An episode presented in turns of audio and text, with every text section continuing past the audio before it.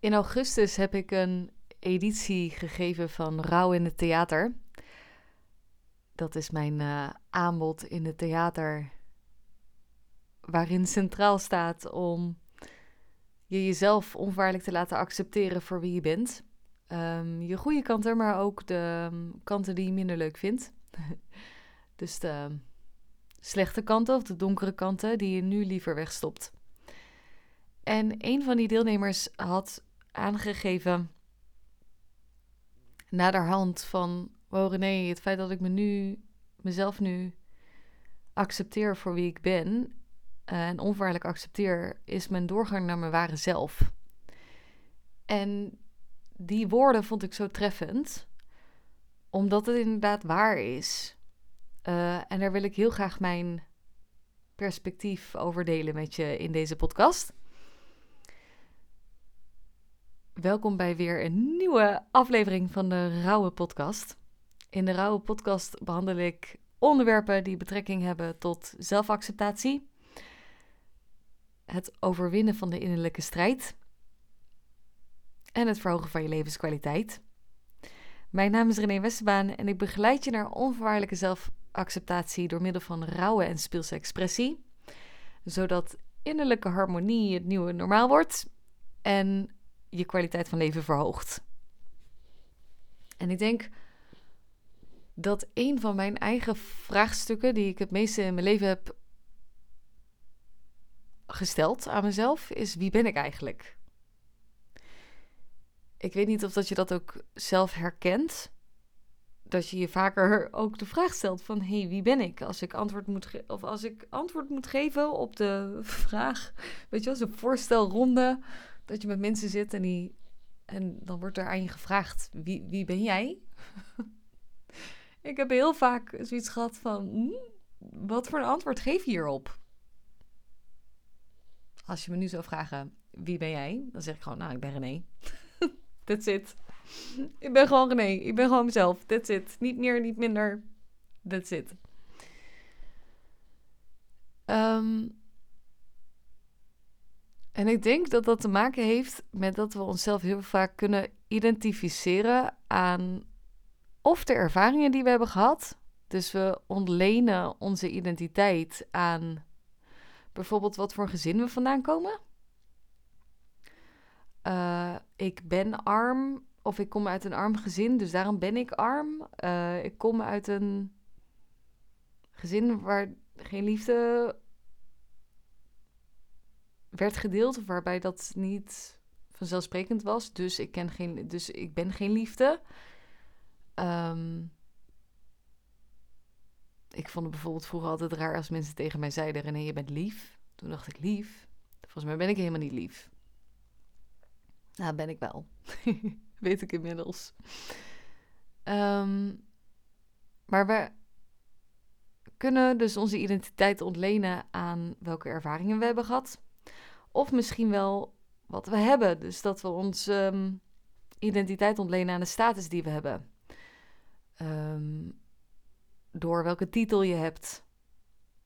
Dat dat iets over je zegt en dat de titel je maakt of kraakt op het moment dat je hem verliest. Um, of op het moment, dat is denk ik ook wel een grote, dat mensen vaak denken: ik ben, ik doe ertoe op het moment, ik ben iets op het moment dat ik van alles heb bereikt. Maar ik ben niks op het moment dat ik even werkloos ben. Dus als we het hebben over wie je bent, dan ontlenen we eigenlijk vaak niet aan wat we zijn, maar wat we hebben. Maar je bent natuurlijk al die je hebt de ervaringen, maar je, en je bent je spullen ook niet. En op zich herken ik deze wel. Ik bedoel, ik heb natuurlijk. Dit jaar was een rouwjaar voor mij. Uh, waarin ik letterlijk alles wat ik had, soort van verloor. Um, en ik kwam er daarmee zelf ook achter dat ik, dat ik mijn eigen waarde en mijn identiteit best wel had ontleend aan wat ik dan had bereikt. Aan de resultaten die ik had gerealiseerd. Um, dat was best een confronterend inzicht.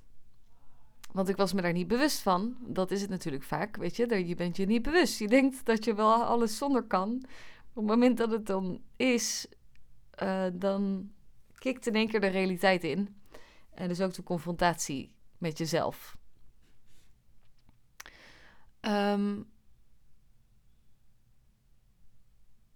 dus ik denk dat het stuk van naar je ware zelf gaan en naar je essentie gaan. Dus de ene noemt het de ware zelf, de ander noemt het de ziel, de ander noemt het je essentie, de ander noemt het uh, je pure identiteit. um, vraagt je inderdaad op de doorgang daar naartoe is om alle delen van jezelf te accepteren. En ik geloof als je me even uitsplitst, want als je me mm, misschien volg je me nu voor het eerst, dan superleuk dat je er bent. Welkom op mijn, uh, op mijn podcast uh. Super tof dat je er bent. Ehm, misschien volg je me al langer, dan weet je dat ik ook heel erg spiritueel ben. Dus dat ik er ook in geloof dat we naast het lichamelijke gedeelte te maken hebben met een ziel. Ehm, en ik denk wel op het moment dat je hem uitsplitst tussen je ware zelf. Kijk, we hebben natuurlijk te maken met een identiteit in dit leven. En als ziel zijnde hebben we gekozen om deze identiteit te ervaren. Dus bijvoorbeeld zou ik kunnen zeggen dat mijn ziel zijnde, dat, dat gedeelte van mij wat voortleeft buiten mijn fysieke lichaam om. Dus het bewustzijn in mij, ehm, wat al verschillende ervaringen heeft gehad in verschillende identiteiten, verstrekt over weet ik hoeveel jaren en hoeveel levens. Um,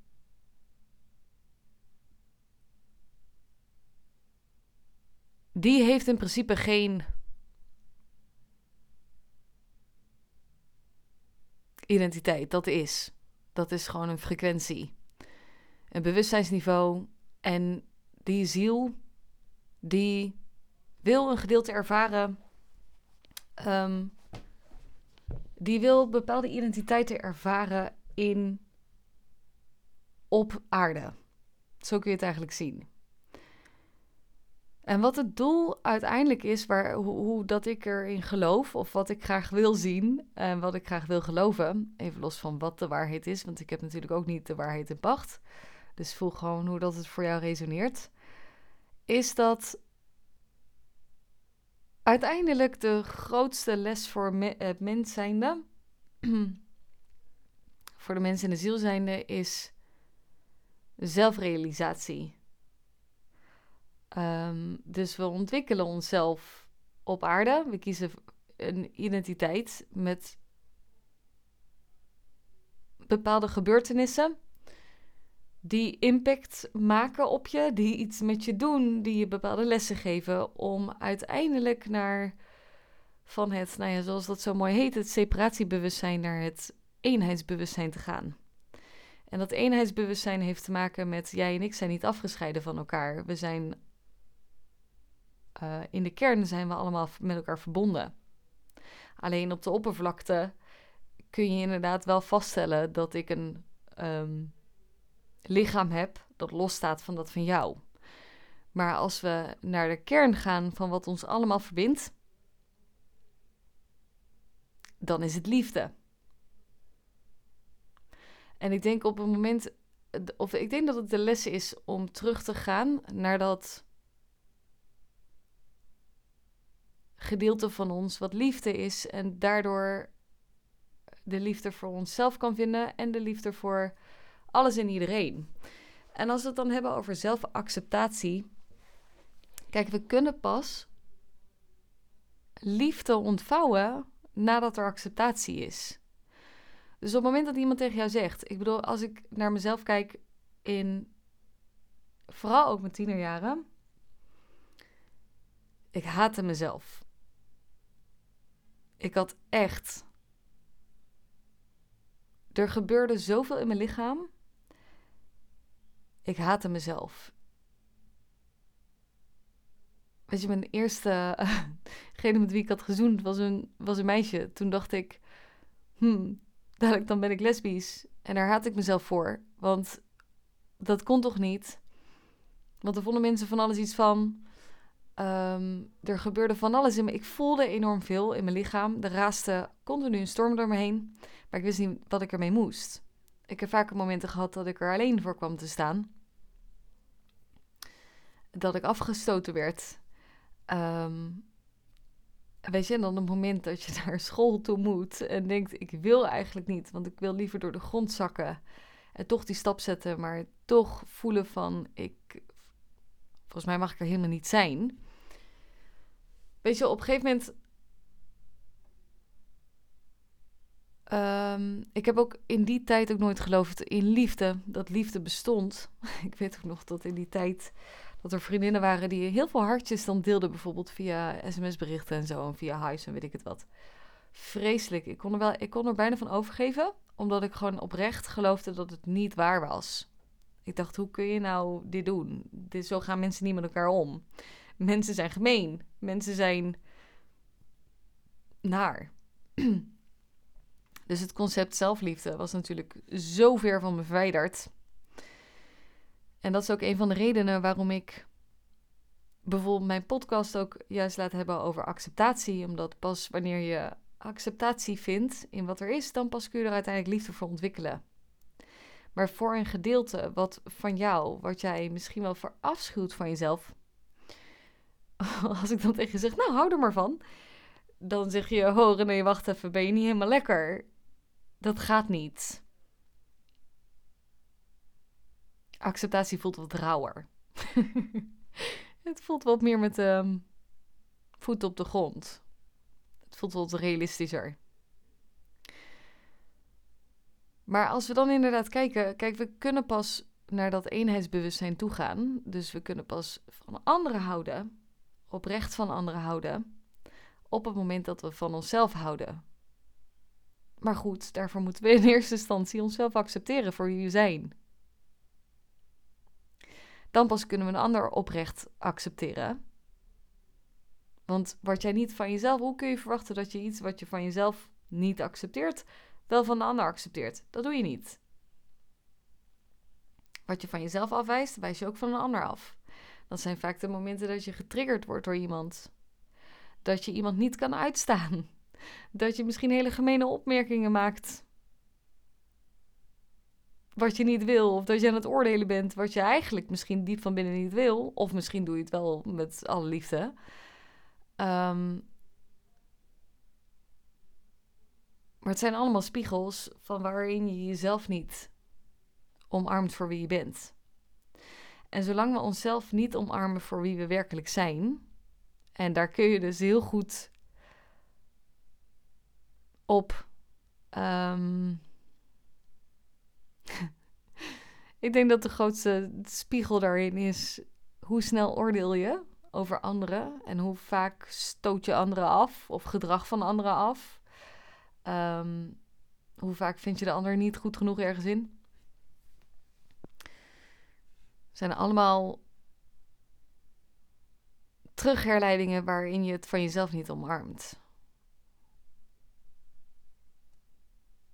Want op het moment dat jij van jezelf dingen omarmt, dan kun je de ander accepteren voor wie die is, zonder de ander te willen veranderen.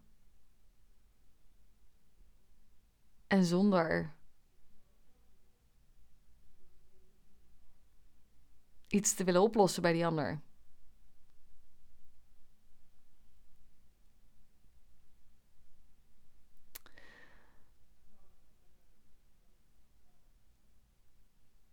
Dus, maar als je kijkt.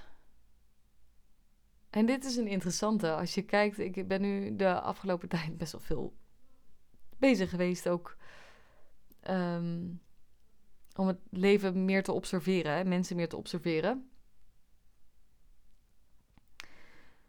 Hoeveel mensen ook gewoon bezig zijn en geprogrammeerd zijn om inderdaad zich alleen bezig te houden met wat er buiten hun gebeurt.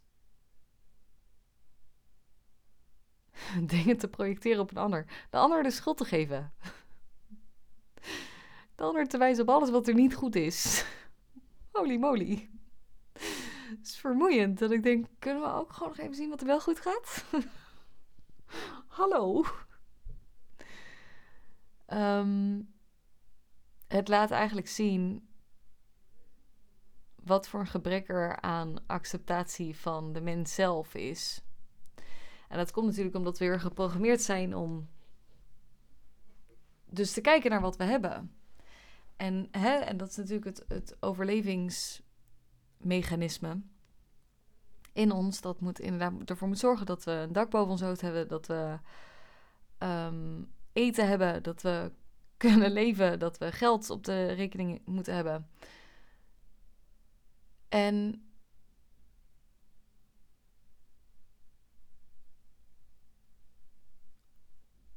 op een gegeven moment slaat dat een beetje door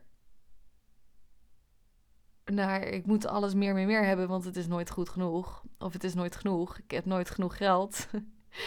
ik wil nog een mooiere auto. Ik wil nog een uh, duurder jurkje. Et cetera, et cetera. Of je schiet de andere kant op en je denkt: nee, we nemen maar genoeg met minder. Je hoeft niet alles te hebben. Uh, dat kan natuurlijk ook. Dat is ook een gebrek aan acceptatie dat er meer potentieel in je zit. Alles heeft twee kanten van de medaille. En het ligt er maar net aan op welke manier die bij jou tot uiting kan komen. Of is gekomen, of nog steeds komt. Ik bedoel, het leven is in die zin, uh, weet je, ik, uh, is een lerend proces. Dus ik zeg absoluut niet dat ik nu helemaal genezen ben, jongens. Ik bedoel, af en toe dan bij mijn familie, dan uh, kom ik er weer achter. Oh ja, wacht even. Ze zeggen wel eens: als je denkt dat je, dat je er bent, ga maar eens naar je familie toe. oh, dat je denkt: oh my god. Ja, nee, we hebben nog wel wat werk te doen. oh, het is, het is wat. Het is een, het is een mooie reis. Maar um, als we dan kijken naar het stuk van accept. Ik, was, ik ging alle kanten op. Ik hoop dat het nog een beetje een, een te volgen verhaal is. Anders dan, um, ja, dan is het zo. op een gegeven moment, als je dus kijkt naar je ziel, wil dus eigenlijk verschillende identiteiten ervaren in verschillende levens. Um, om letterlijk vanuit een ander perspectief het leven te ervaren. Want we zien de wereld natuurlijk niet zoals dat die is, maar op basis van wat onze ervaringen zijn en wat ons referentiekader is en hoe dat we naar onszelf kijken. Um, en ik denk dat een van de mooiste competenties om te ontwikkelen is je kunnen inleven ook in de ander. Alleen we kunnen on onszelf pas volledig inleven in een ander op het moment dat we um, eerst onszelf in onszelf hebben ingeleefd. Want we kunnen pas de ander accepteren en de ander zien in een. En de wereld zien vanuit een bril en begrijpen waar ze doorheen gaan op het moment dat je dat in eerste instantie bij jezelf hebt gedaan.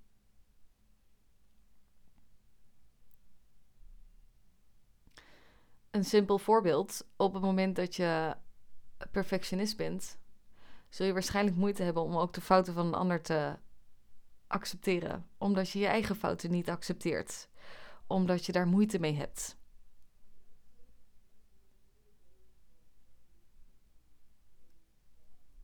Terwijl op het moment, dan moet ik even naar mezelf kijken, want ik maak, ik leer door fouten. Daar, dat heb ik inmiddels geaccepteerd. ik moet er grandioos in mijn bek gaan. En dan soms dan denk ik ook, oh nee, dan gaan we weer. En dan denk ik, ja, nou goed, oké. Het is nou eenmaal de manier waarop ik leer. Um, kan ik het bij anderen ook beter zien en kan ik er ook pragmatischer mee omgaan? Oké, dit is gebeurd. Hoe gaan we ermee om en hoe gaan we het dan voorkomen in, de, in het vervolg? Dus wat leren we ervan? Uh, that's it. Weet je, het is dan gebeurd. Mensen kunnen er een heel verhaal van maken. Helemaal in blijven hangen hoe heftig dat was dat er een fout is gebeurd. Ik denk, ja, oké, het is nou eenmaal gebeurd. We kunnen nu niet terugdraaien. Het enige wat we kunnen doen is het corrigeren en het oplossen. En voorkomen dat het in de toekomst nog gebeurt. Ehm, dat. Dan kun je dus ook op een andere manier met iemand omgaan. Dus je merkt vaak op het moment dat je bepaalde delen van jezelf niet accepteert, zul je die van een ander dus ook sneller afwijzen. En dus ook op een wat destructievere manier bijvoorbeeld feedback geven. Dan is het eerder kritiek. Terwijl op het moment dat je dat gedeelte, exact dat gedeelte van jezelf hebt geaccepteerd, merk je dat je op een hele constructieve manier met de ander kan omgaan.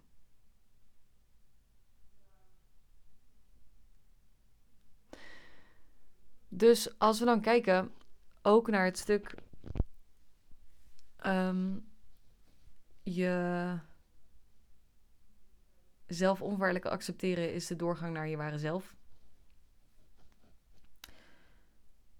Dan geloof ik dat ook echt. Ik denk dat het afgelopen jaar was heel rauw voor me. Ik, ik, ga het ongetwijfeld nog vaker noemen.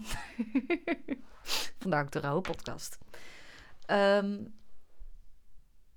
maar ik denk ook oprecht dat ik voor een jaar geleden. Nou, ik had toen een proces. Het was een beetje een verschillend proces geweest. Dus ik denk dat jezelf accepteren gaat in. Dat gaat sowieso in fases. Um, en de eerste fase is: ik, je, bent, je gaat onbewust door het leven. In de zin van. Um, een beetje automatische piloot. Weet je, je hebt geleerd op basis van waar je vandaan komt, wat je hoort te doen, hoe, wanneer je hoort te trouwen bijvoorbeeld, wanneer je kinderen hoort te krijgen, wat de stappen zijn die je in het leven doorloopt. Um, nou, op een gegeven moment komt er natuurlijk een bepaald punt dat je jezelf afvraagt: is dit het nou? Wat ben ik eigenlijk aan het doen? Of misschien kom je wel iemand tegen die op je pad die een soort van katalysator is voor je bewustzijnsgroei.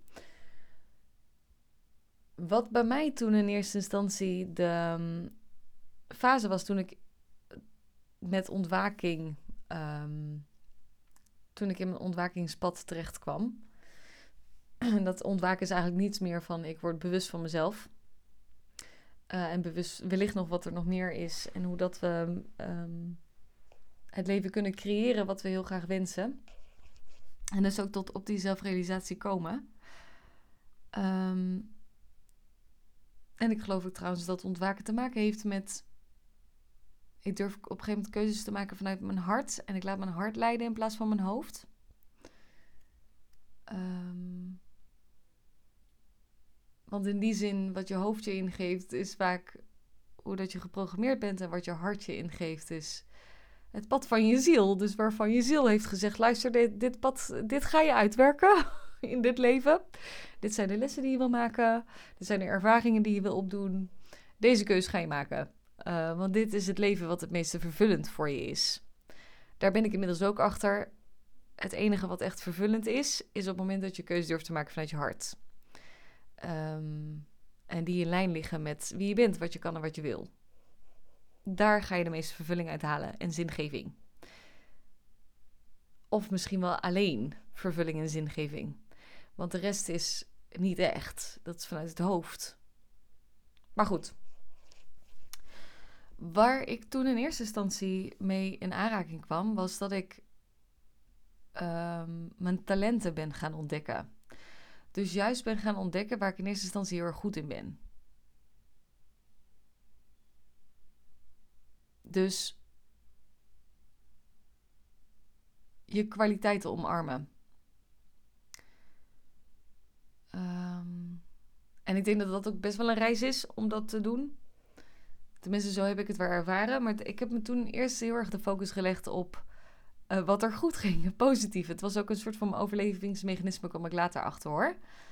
Uh, want uiteindelijk zat er nog best wel wat depressie en um, doemdenken in mij. Wat er dit jaar uit, uitgekomen is, of wat omhoog kwam. Wat me eigenlijk onbewust dus iedere keer naar beneden probeerde te trekken. Dus wat op een gegeven moment gebeurde was, ik dacht dan trek ik mezelf of dan lift ik mezelf omhoog. Door me te focussen op het goede. Uh, het goede in mezelf, het goede in een ander. Um, dat is vaak waarin mensen dus ook in het stukje liefde en licht zitten. oh, het is allemaal zo mooi. Maar goed, dat is natuurlijk niet een hele houdbare en duurzame situatie. Want dat is natuurlijk ook niet de volledige realiteit. Uh, totdat ik op een gegeven moment. Dus nou, wat ik dus eigenlijk deed, was ik had een soort van identiteit gecreëerd van mezelf. Die gent was op wat ik allemaal kon en welke resultaten ik kon behalen. Want dat was dan, dan natuurlijk daar nog aan gekoppeld.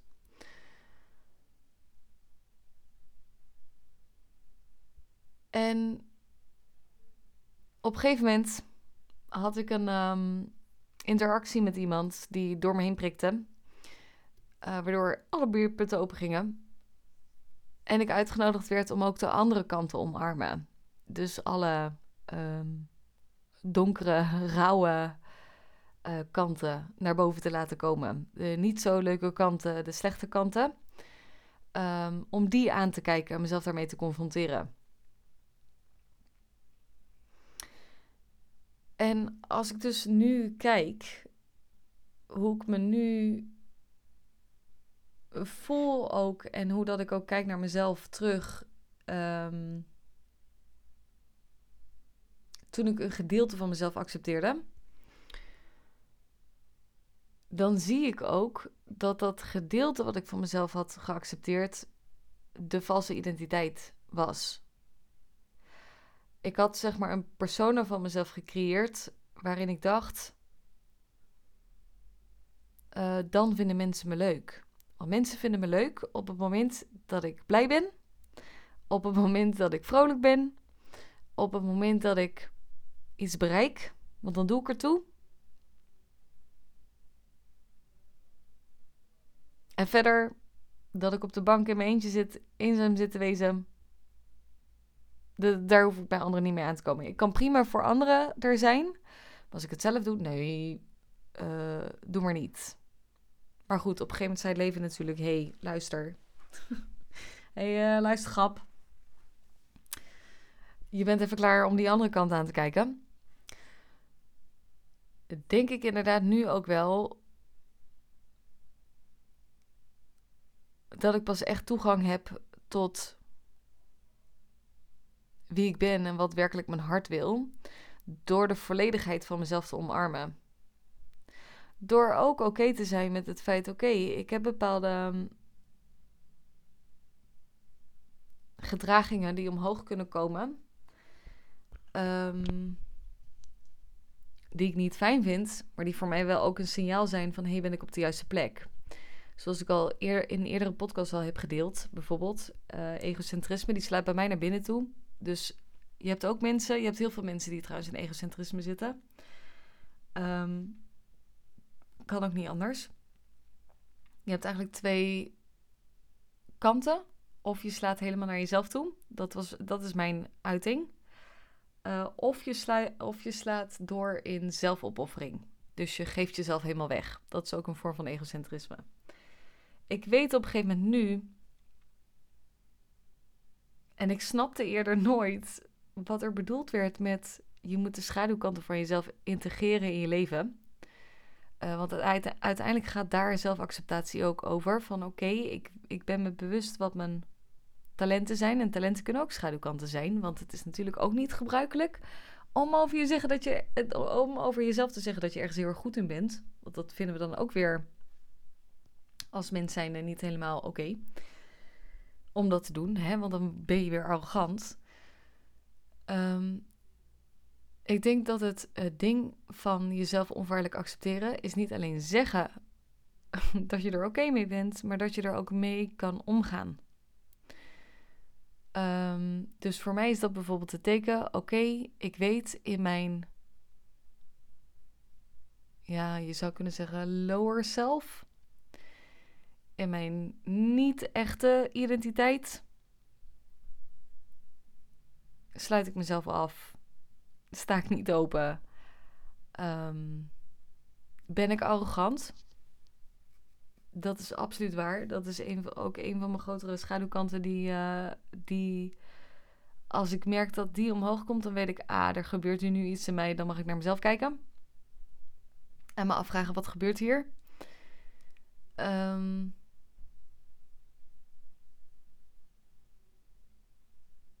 kan ik het leven ook als heel turbulent ervaren. en als één grote dramashow, dan weet ik, oké, ik zit in mijn schaduw. Ik mag even naar binnen keren. Ik mag even kijken wat hier gebeurt.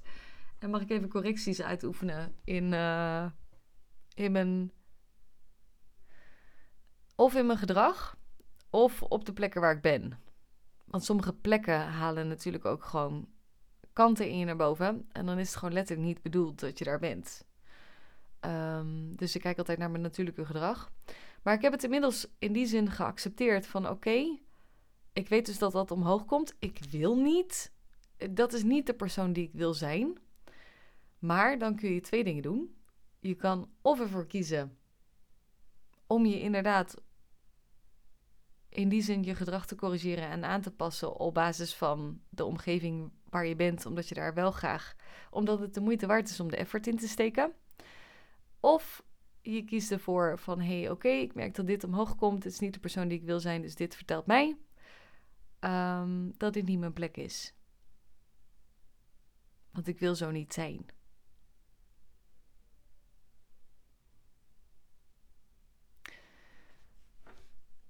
En dit is ook niet wie ik in essentie ben. Dus de, deze plek haalt niet het beste in mij naar boven. En in die zin, je omgeving is belangrijk voor um, of je tot bloei komt. Of, of dat je inderdaad um,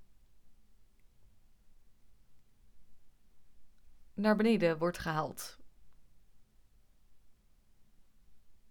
Het hoeft niet heel specifiek te zijn, dat kan ook gewoon een gevoel zijn. Um, ja. Dus op het moment dat je jezelf onvoorwaardelijk accepteert voor wie je bent, dan kom je dus in die zin bij je ehm, ware zelf uit, bij je essentie. En op basis daarvan kun je ook makkelijker keuzes gaan maken wat dus bij je past en wat ook niet.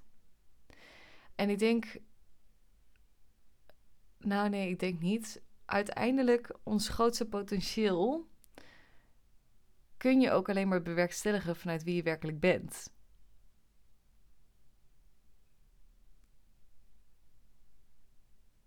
Je kan niet, daarom geloof ik ook bijvoorbeeld niet in copycats of in ook niet in concurrentie of wat dan ook. Waar dan ook. Je grootste potentieel kun je alleen bereiken op het moment dat je vanuit je essentie handelt. Want er zit namelijk een plafond uh, op je capaciteiten als die gemaakt zijn, als ze dus niet echt zijn. Als het dus vanuit een valse identiteit is. En wat ik dan met een valse identiteit bedoel, is dat je denk ik leeft vanuit maskers. En niet helemaal jezelf durft te laten zien of durft te zijn.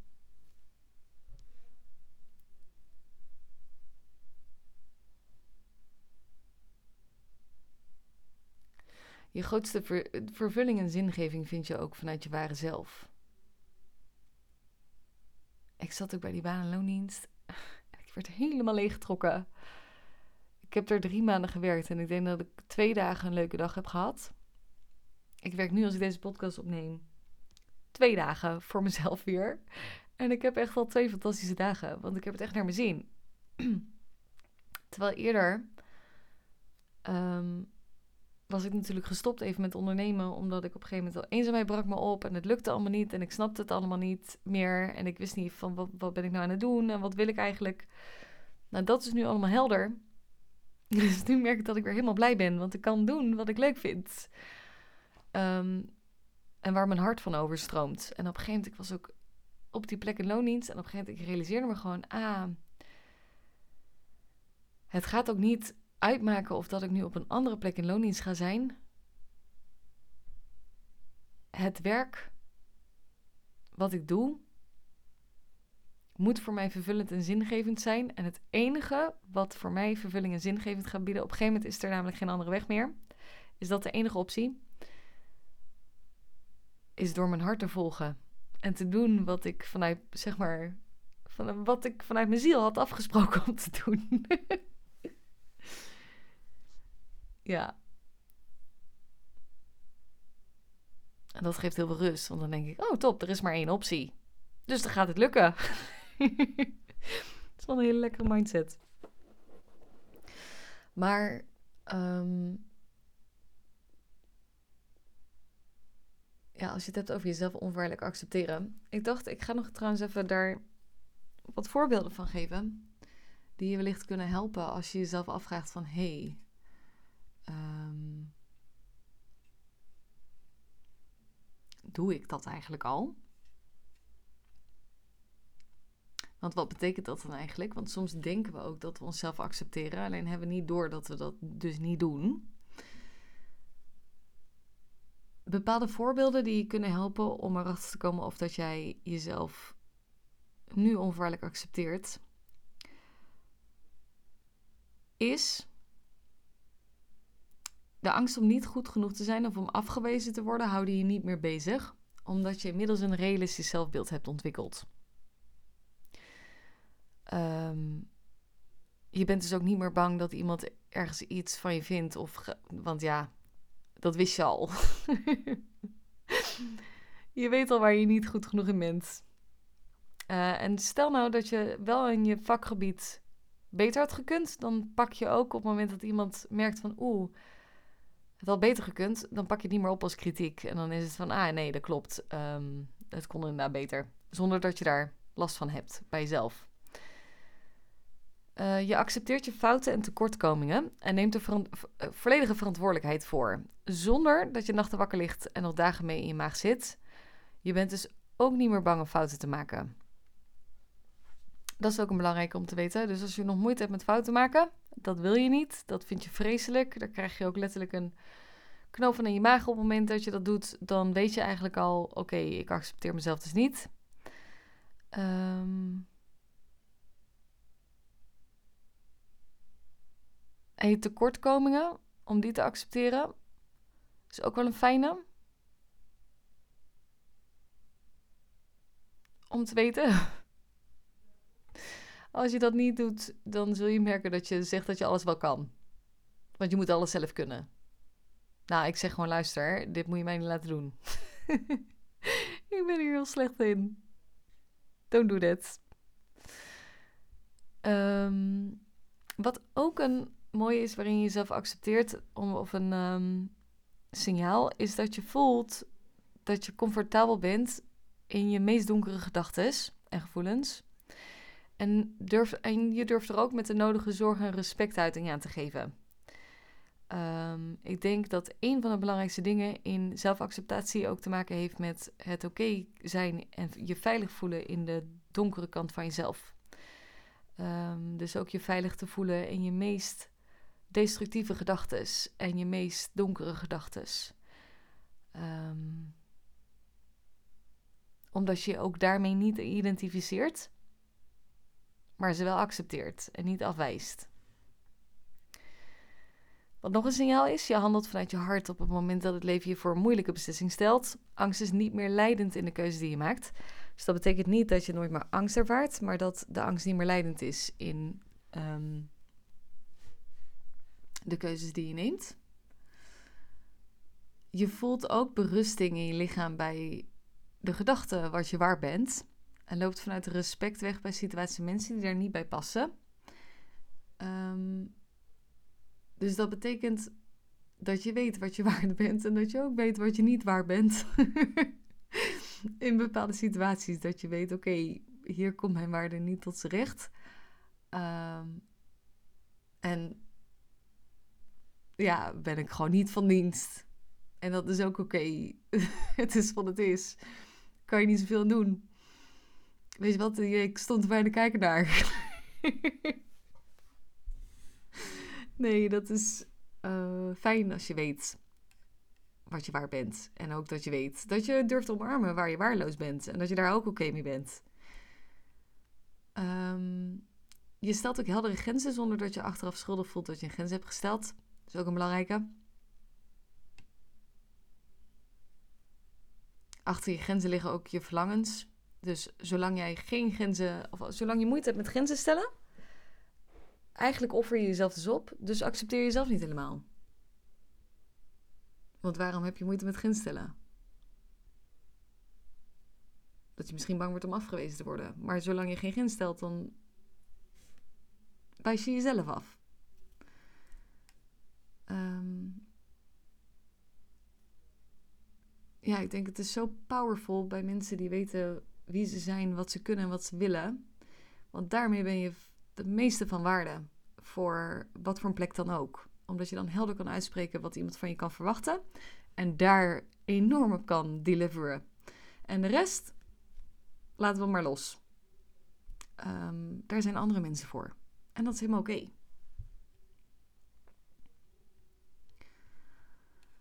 Eh, wat ook een belangrijk is in jezelf accepteren, is dat integriteit naar jezelf toe een van je grootste kernwaarden is. Ehm, je neemt afscheid van situaties die niet in lijn liggen met wie je bent, wat je kan en wat je wil. Please en jezelf anders voordoen dan dat je bent is iets wat niet meer lukt. Maskers hoef je dus ook niet meer op te doen.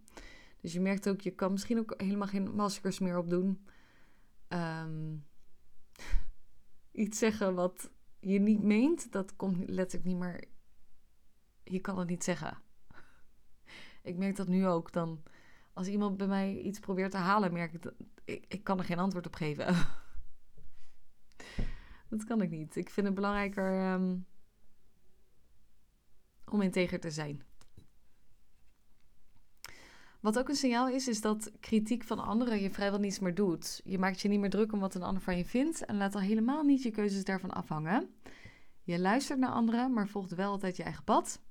Wat een ander denkt of vindt, brengt je niet meer aan het wankelen. Ehm, dus je merkt dat je stevig staat ongeacht wat een ander vindt. Ik had het laatst ook, toen kreeg ik kritiek van iemand. Die vond ergens iets van. En die uh, was redelijk stellig in haar mening.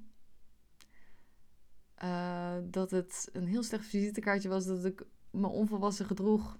En wat was er nog, nog iets meer? En ze had absoluut ook gelijk, dus die had ik ook erkend. Maar het mooie was dat ik op dat moment ook voelde, het gleed langs me af. Ik dacht, ja, je hebt gelijk. Het was niet oké uh, hoe ik toen heb gehandeld. Maar het is wat het is. Ik was wel eerlijk.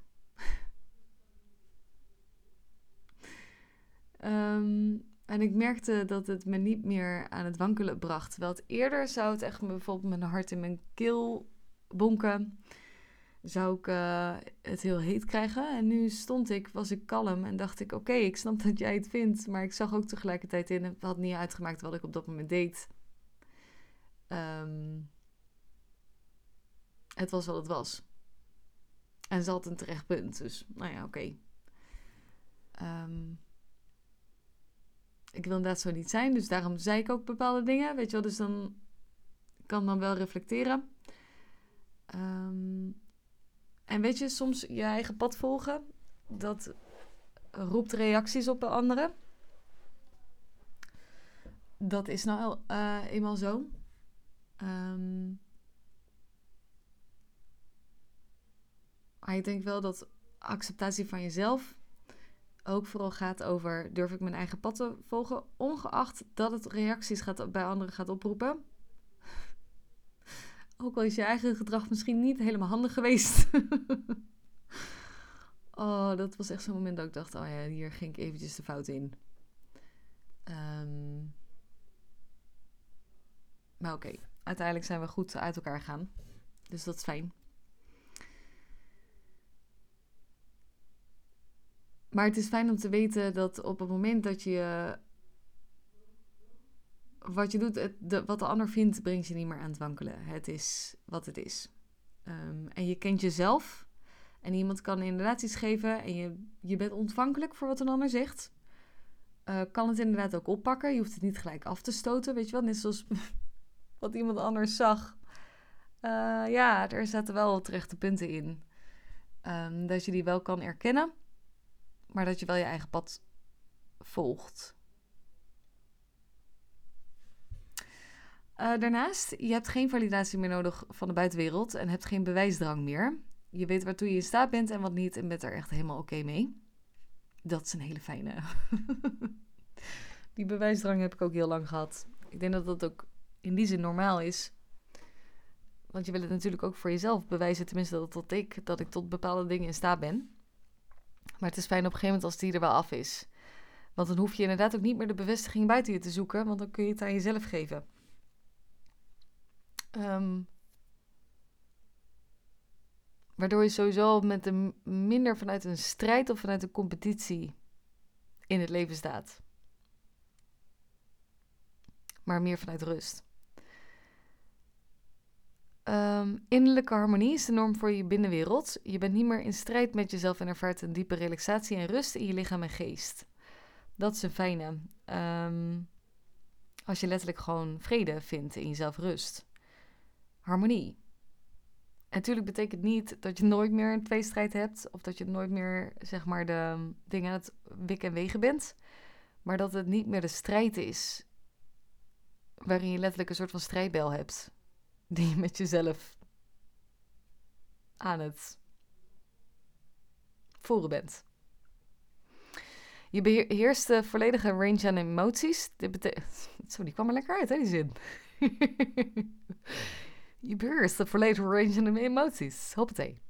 Goed, je beheerst de volledige range aan emoties. Nou, ik herhaal hem drie keer, dus volgens mij is het belangrijk.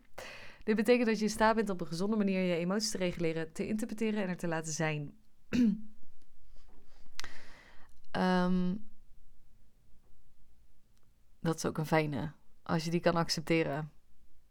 Uh, wat je emotie ook is en dat je die beheerst. Uh, en ze in kan zetten als navigator. Bijvoorbeeld vuur is grenzen. Dus weten wat je niet wil en weten wat je wil, wel, wel wil. Um, tranen zijn vaak het raakt me. Er mag verzachting in.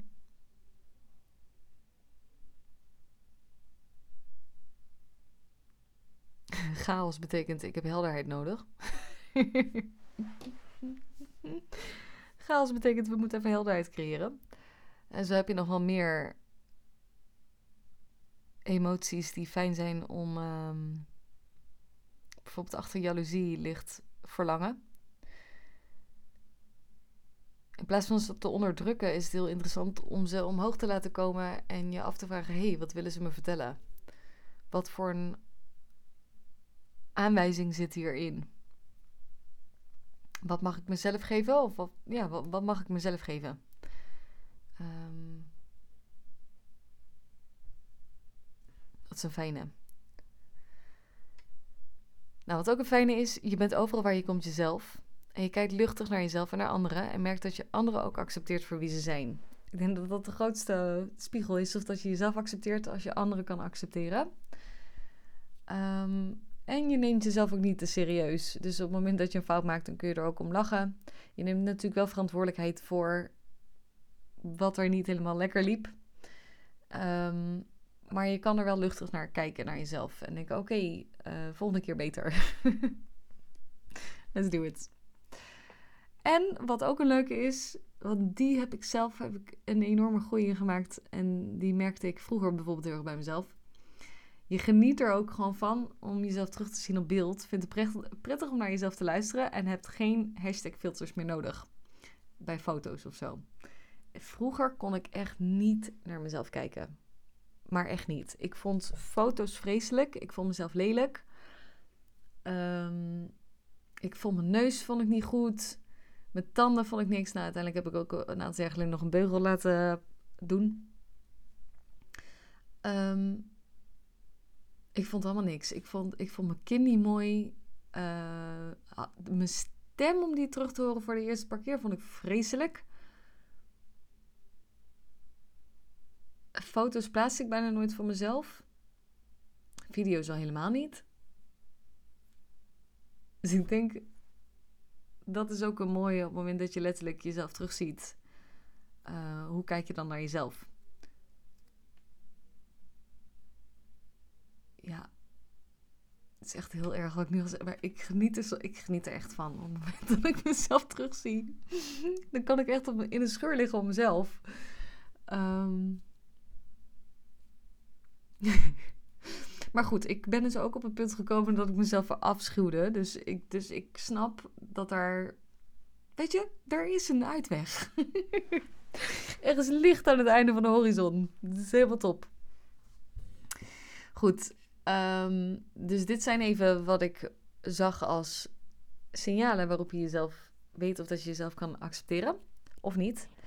Mocht je nou zoiets hebben van: hey, uh, hier zitten echt wel wat dingen tussen, misschien die je al wel hebt aangepakt, maar ook misschien wel dingen waarvan je voelt: hmm, hier heb ik nog wel wat stappen in te maken. Dan wil ik je uitnodigen voor rouw in het theater.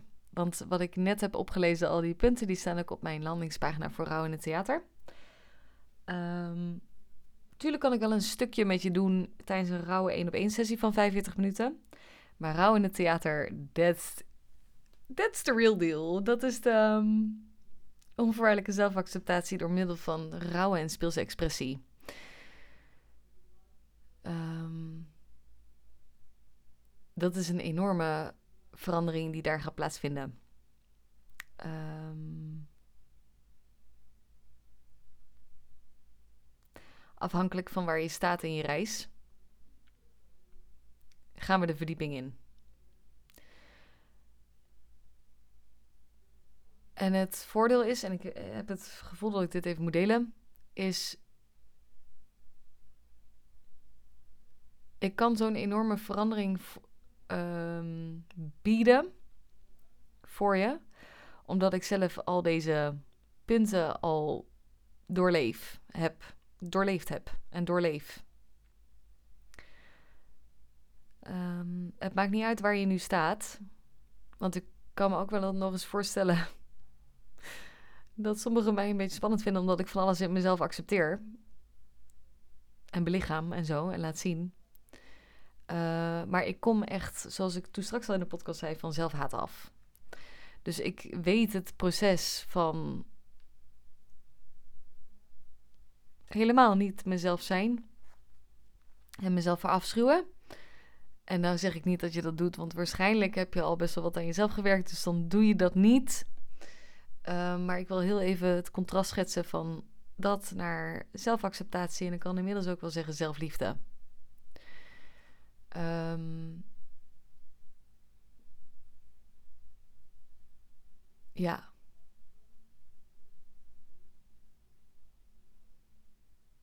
Het is een magische tijd als je met me dit gaat doen, rouw in het theater. Drie uur op een podium, samen één, op één. ben jij mijn canvas, mijn kunstwerk.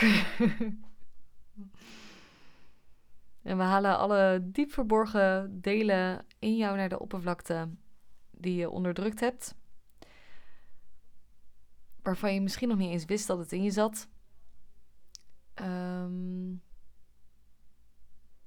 en we gaan op reis binnen in jou. En ik nodig je iedere keer weer uit om expressie te geven aan wat er in je binnenwereld uh, wat daar gebeurt. Vanuit de meest veilige setting. Veiligheid staat bij mij bovenop. Um, en met een enorm expansieveld daar in het theater, want het is een geluidsdichte ruimte. Uh, je hebt een podium met lichten, met muziek die gewoon goed hard ook aan kan. En die ondersteunend werkt, terwijl ik je begeleid door het innerlijke proces. We laten los. We laten de gevoelens en emoties los die jou nou vastzetten in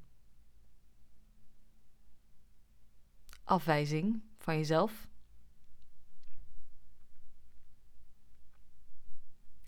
En bieden ruimte om jezelf echt te accepteren. Voor wie je bent. En het opent ongetwijfeld. Uh, nou, het opent sowieso leiderschap en kracht. Ehm, het laat je veilig voelen in jezelf. Ook, in de, ook op het moment dat het ongemakkelijk voelt binnenin je. Ik weet nog hoe lang ik moeite heb gehad met. Uh, als je spanning in je lichaam ervaart. Dus als, er, als je zo'n uh, onrustig gevoel van binnen hebt.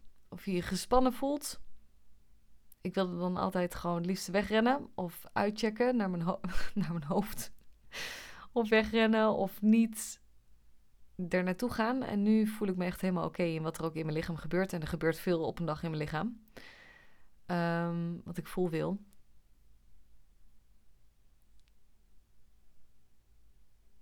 Maar het is oké. Het geeft ook het gevoel dat je leeft. De meeste momenten dat ik het gevoel heb dat ik leef, is op het moment dat mijn donkere kant uh, expressie krijgt. Dat is fantastisch. en ook mijn lichte kant. Dan ook. Dan ben ik ook blij. Nee, maar we gaan daar doorheen. Het, het, is, uh, het zet je aan in kracht. Um, voor de vrouwen onder ons kan het betekenen dat je meer in je vrouwelijkheid zit. Dat je meer in je sensualiteit durft te omarmen. Dat je meer durft te ontvangen. Um, het zet je aan in je power. En wat het nog verder meer kan betekenen voor je. Iemand anders heeft bijvoorbeeld een keer rouw in het theater gehad en daarbij leverde het helderheid in het hoofd op. Ze zei van, ik heb normaal gesproken wolkjes in mijn hoofd. Dus alsof mijn hoofd vol zit met wolken en dat ik het niet helemaal kan zien. En nadat ik rouw had gehad, waren die wolken weg en had ik helderheid. Dus kwam letterlijk de zon weer door. Dat was een mooie beeldspraak.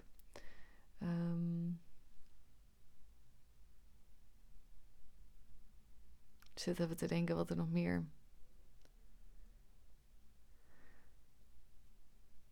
Nou, ook een belangrijk is denk ik grenzen stellen, durven stellen. Dus op het moment dat je moeite hebt met grenzen stellen, is dat een mooie.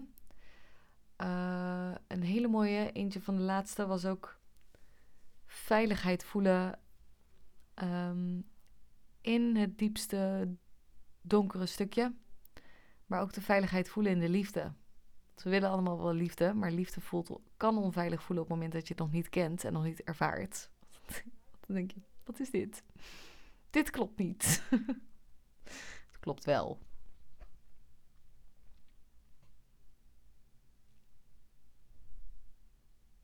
Ja.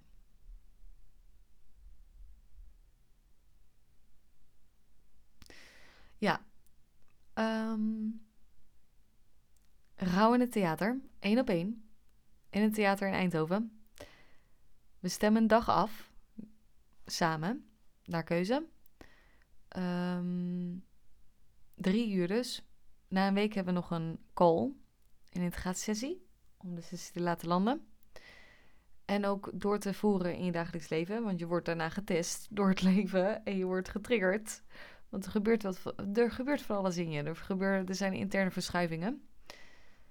Die hebben plaatsgevonden. Um, waardoor je het leven letterlijk ook anders gaat ervaren. Maar mensen ook anders op je reageren. Omdat er iets in jou veranderd is. Iets een beetje boel. Um, de investering is 777 inclusief BTW. Je kan het ook in termijnen betalen. Um, ik zet even de link ernaar in de beschrijving. Super fijn als je erbij bent. Lijkt me heel fijn om een enorme transitie met je te bewerkstelligen. Wil je daar even over eh, bellen of even een berichtje sturen of dat dit de juiste stap is? Stuur me dan even vooral een berichtje via Instagram. Dat is het makkelijkste. Um, ja. En dan stem ik heel graag met je af of dit de juiste stap is. Dan wens ik jou voor nu een hele fijne dag wanneer je deze luistert en heel veel liefs.